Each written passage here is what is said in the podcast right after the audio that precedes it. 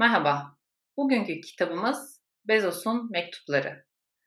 14 prensibi uygulayarak Amazon gibi şirketinizi büyütme. Kitap Steve Anderson tarafından kaleme alınmış, Bezos'un 21 mektubundan yola çıkarak 14 tane prensip oluşturulmuş ve bu prensipler çerçevesinde örneklerle dolu bir kitap. Peki ben neden bu kitabı seçtim? İçeriğine baktığımızda bilmediğimiz çok fazla konu yok. Müşteriye odaklanma, cesur olmak, başarısız olacaksan bir an önce başarısız olmak ve bunlardan öğrenmek, teknolojiden faydalanmak, çalışanları dahil etmek süreçlerinden bahsediyor. Fikirler önemli olsa da uygulama en önemlisi. Her gün ne yaptığımız çok önemli.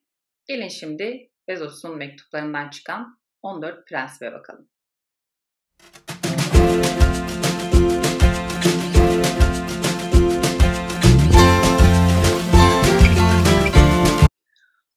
Tane prensibi şöyle hızlıca sıralarsak uzun vadeli düşünme, sahipliği arttırma, volanınızı yani çarkınızı, büyük çarkı anlamak, müşterileri takip etmek, başarılı başarısızlığı teşvik etmek, büyük fikirler üzerine oynamak, uygulamada dinamik buluş ve inovasyonu uygulamak, teknolojiyi zaman kazanmak için kullanmak, yüksek hızlı kararlar üretmek, karmaşıklığı azaltıp sadeleştirmek, basitleştirmek, kültürü korumak, yüksek standartlara odaklanmak, önemli olana ölçmek ve ölçtüğümüzü sormak, sorgulamak ve bunlara güvenmek. Son olarak 14. prensipte de her gün işinizin ilk günü gibi çalışmak. Peki bunların içerisinde neleri kastediyor? Uzun vadeli düşünmek aslında bizim çok da uzak olmadığımız bir konu gerek yalın üretim felsefesi içerisinde gerekse operasyonel mükemmellik faaliyetleri içinde gördüğümüz zaten uzun vadeli planlar yapmamız gerektiğini sıklıkla belirtiyoruz. Amazon için kısa vadeli Wall Street tepkilerinden ziyade uzun vadeli pazar liderliği değerlendirmelerine dayanan yatırım kararları verdiğinden bunu görebiliyoruz. Kitapta bahsedilen diğer bir konuda hem çalışanların dahil edilmesi ve sahiplenilmesi hem de uzun vadeli planların içerisinde çalışanların dahil edilmesi için tüm çalışanların bir şirket sahibi gibi düşünmeye teşvik etmek için neler yapabileceğiyle ilgili olarak bazı örnekler paylaşmış. Yatırım yaptığınızda uzun vadeli düşünmek gerekir. Bu durumda riskleri düşünmenin daha kolay olduğunu söylüyor Bezos. Çalışanları şirket sahibi gibi düşünmeye teşvik etmek için tüm çalışanlarına hisse senedi vermeye başlıyor ve bu hisse senedi verdiği çalışanlarla hissedarlar olarak sözlerinde de bu şekilde dile getiriyor. 2002 yılından itibaren uyguladığı bu yöntemin yanında Amazon'un uyguladığı bir başka yöntem daha var. Her yıl işten çıkanlar için belli oranlarda teşvik uyguluyor. Bu sistemi ilk defa uygulayan Zappos firması. Amazon'da istihdam süresine bağlı olarak 2000 ila 5000 dolar arasında değişen işten ayrılmaları için para sunarak hem şirkette sadece kalmak isteyenlere kalmasını sağlıyor hem de içeriden çıkmak isteyip de farklı işlerde çalışmak isteyenlere aslında bir yol açmış oluyor. uzun vadeli düşünmek, sahiplik dedik. Uzun vadeli düşünmenin içerisinde prensiplerden bir tanesi de volanı, büyük çarkı anlamak dedik. Bezos'un kendi iş çarkını anlamasına sebep olan girdilerden bir tanesi de İdem Mükemmele kitabı Jim Collins'in yazdığı kitapta benzer bir çarktan bahsediliyor. Bu çarkın ortasında temel ilkeler ya da hedefler var. Aktiviteler bu merkezdeki hedeflerle uyumlu olarak yapılandırıyor. Aktiviteler merkezle uyumlu bir şekilde çalıştırıldığında hepsi aynı yöne hareket ediyor ve bu da aslında doğru sonuçlar almamızı ve işin hareket kazanmasını, ivme kazanmasını sağlıyor. Şirketin birincil hedefi Vola'nın merkezi olarak belirlenir. Amazon'un durumunda bu büyümedir. Volanın dışındaki aktiviteler onu döndürmek için tasarlanmıştır. Amazon'daki çalışmaya baktığınızda dişler birbirine ivme kazandırarak şirketin büyümesine olanak sağlıyor. Örneğin Prime daha düşük fiyatlar sunuyor. Bu daha fazla trafik çekmesini sağlıyor. Bununla birlikte satıcılar sitede satış yapmaya çekiliyorlar ve bu da sitedeki ürün seçim potansiyelini arttırıyor. Artan ürün seçim potansiyeli müşteri deneyimini geliştiriyor ve Bu da Amazon'un büyümesine ve daha düşük bir maliyet yapısını sürdürmesine olanak tanıyor. Çarklar bu şekilde dönmeye devam ediyor. Müşterilere takıntılı olma bu kulağa çok açık ve bariz gelebilir. Zaten son dönemde herkes müşteri odaklılıktan, müşterinin öneminden, müşterinin istediğini verebilmekten, hizmet ya da ürün olsun, müşterinin istediği ürünü istediği zamanda, istediği kalitede vermekten bahsediyor. Amazon'un burada sorduğu standart sorular var. Müşterimiz kim? Müşterinin sorunu ya da çözebileceğimiz fırsatlar nelerdir? En önemli müşteri faydası nedir? Müşterinin neye ihtiyacı olduğunu nasıl anlarız? Müşteri deneyimi neye benziyor? Kimse işini her gün yapan bir kişiden daha iyi bilemez. Şirketin her seviyesinde işi yapmanın daha hızlı ve daha kolay yollarını denemeleri için ilham vermeyi ve bu başarıyı ödüllendirmeyi teşvik ediyor. Bir deney başarısız olursa başarısızlık için onları cezalandırmak yerine çalışanın ne öğrenilebileceğini değerlendirmesini sağlamak prensiplerden bir tanesi. Şirket içinde başarılı başarısızlığı teşvik etmekten bahsediyor. Amazon başarısız olan Firefone'da 178 milyon dolar kaybetti. Ancak öğrendiklerini Kindly başlatmak için kullandı. Başarılı başarısızlıktan kastettiği bu. Geçmiş başarısızlıklarımızdan öğrenerek yeni dönemde başarı yaratabileceğimiz hikayeler yaratabiliyor muyuz? Öğrenilmiş dersleri doğru şekilde kullanabiliyor muyuz? Yine prensipler içerisinde bahsettiği bir büyüme döngüsü var. Büyüme döngüsünde ilk aşama test etmeyle başlıyor. Az önce bahsettiğimiz başarılı başarısızlıklar bu aşamanın bir çıktısı olabilir. Deneme, hatalardan ders alma ve bir inovasyon kültürünü sürdürme. İkinci adım inşa etme, uzun vadeli düşünmeyi kullanma ve temel ilkelere bağlı kalma. Üçüncü adımda hızlandırmaktan bahsediyor. İşi kolaylaştır, hızlı karar ver, teknolojiyi kullan ve zamanı kazanarak şirket içinde sahipliği teşvik et. Ölçeklendirme kısmında da işi doğru şekilde yap ve büyütmek için, büyük ölçeklere, çerçevelere sokabilmek için ne yapılması gerektiğini planla ve tutarlı bir şekilde yapmaya devam et. Burada aslında işin sırrının deneme yanılmalar ve buradan çıkan sonuçları iyi değerlendirme. İyi sonuçlarsa evet devam ediyoruz.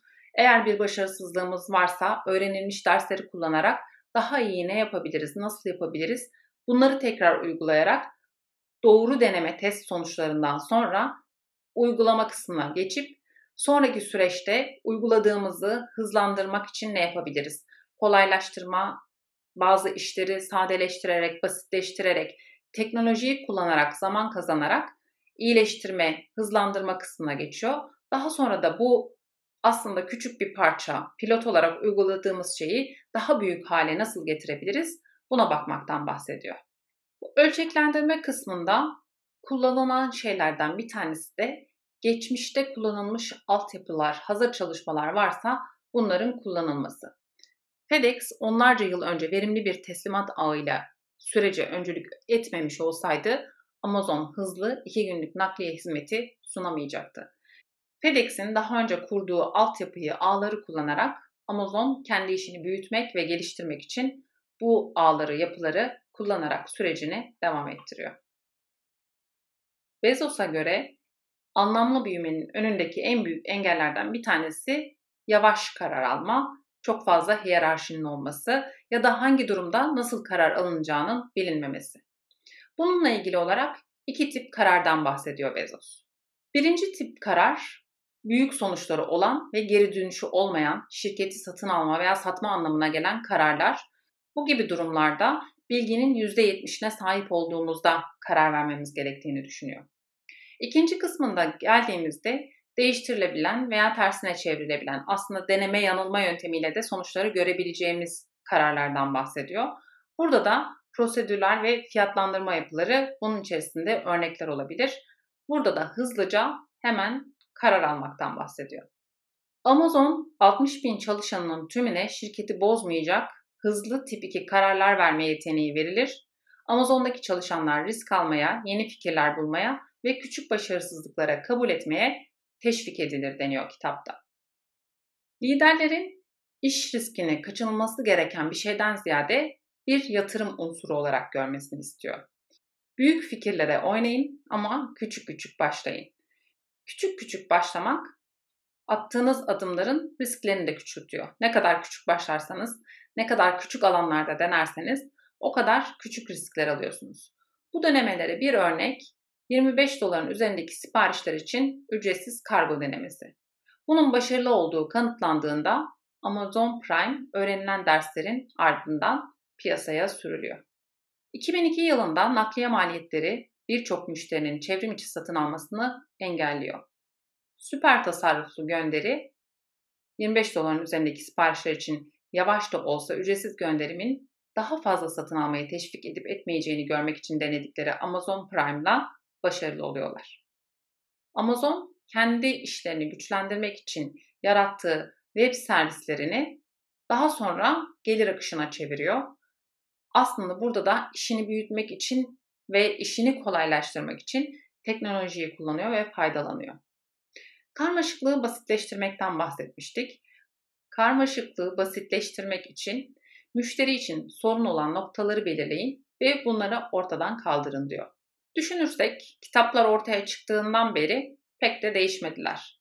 Bezos geleneksel kitap tasarımını değiştirdi, internette onları bulmayı ve okumayı kolaylaştırdı. Kindle uygulamasıyla kitap severler 110 binden fazla kitap, blog, dergi ve gazeteye tek tuşla erişim sağladı. Artık bu sayı milyonları buluyor. Karmaşıklığı basitleştirmek için sektörünüze bir göz atın. Her zaman böyle yapıldığı için hangi unsurların kullanılmaya devam ettiğini gözlemleyin.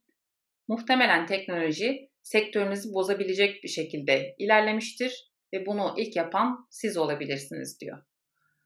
Prensiplerden bir diğeri önemli olanın ölçülmesi.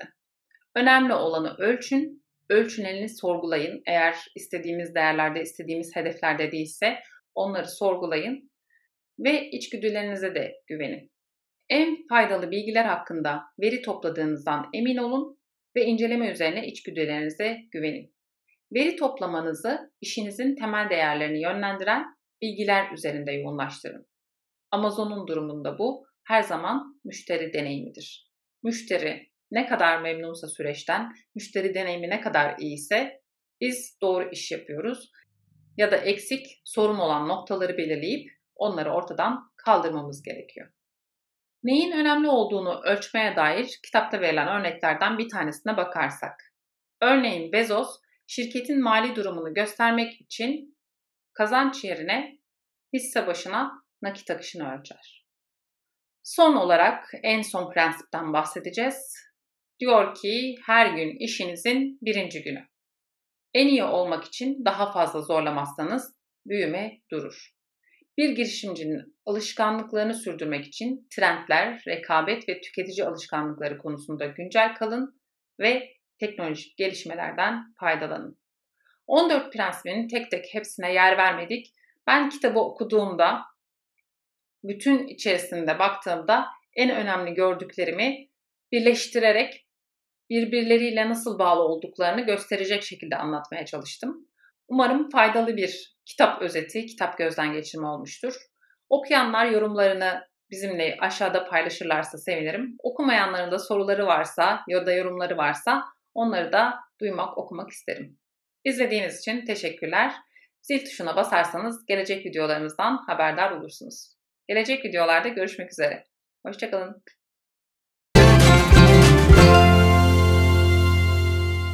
Onları sor sorgulayın. Örneğin Me Mezos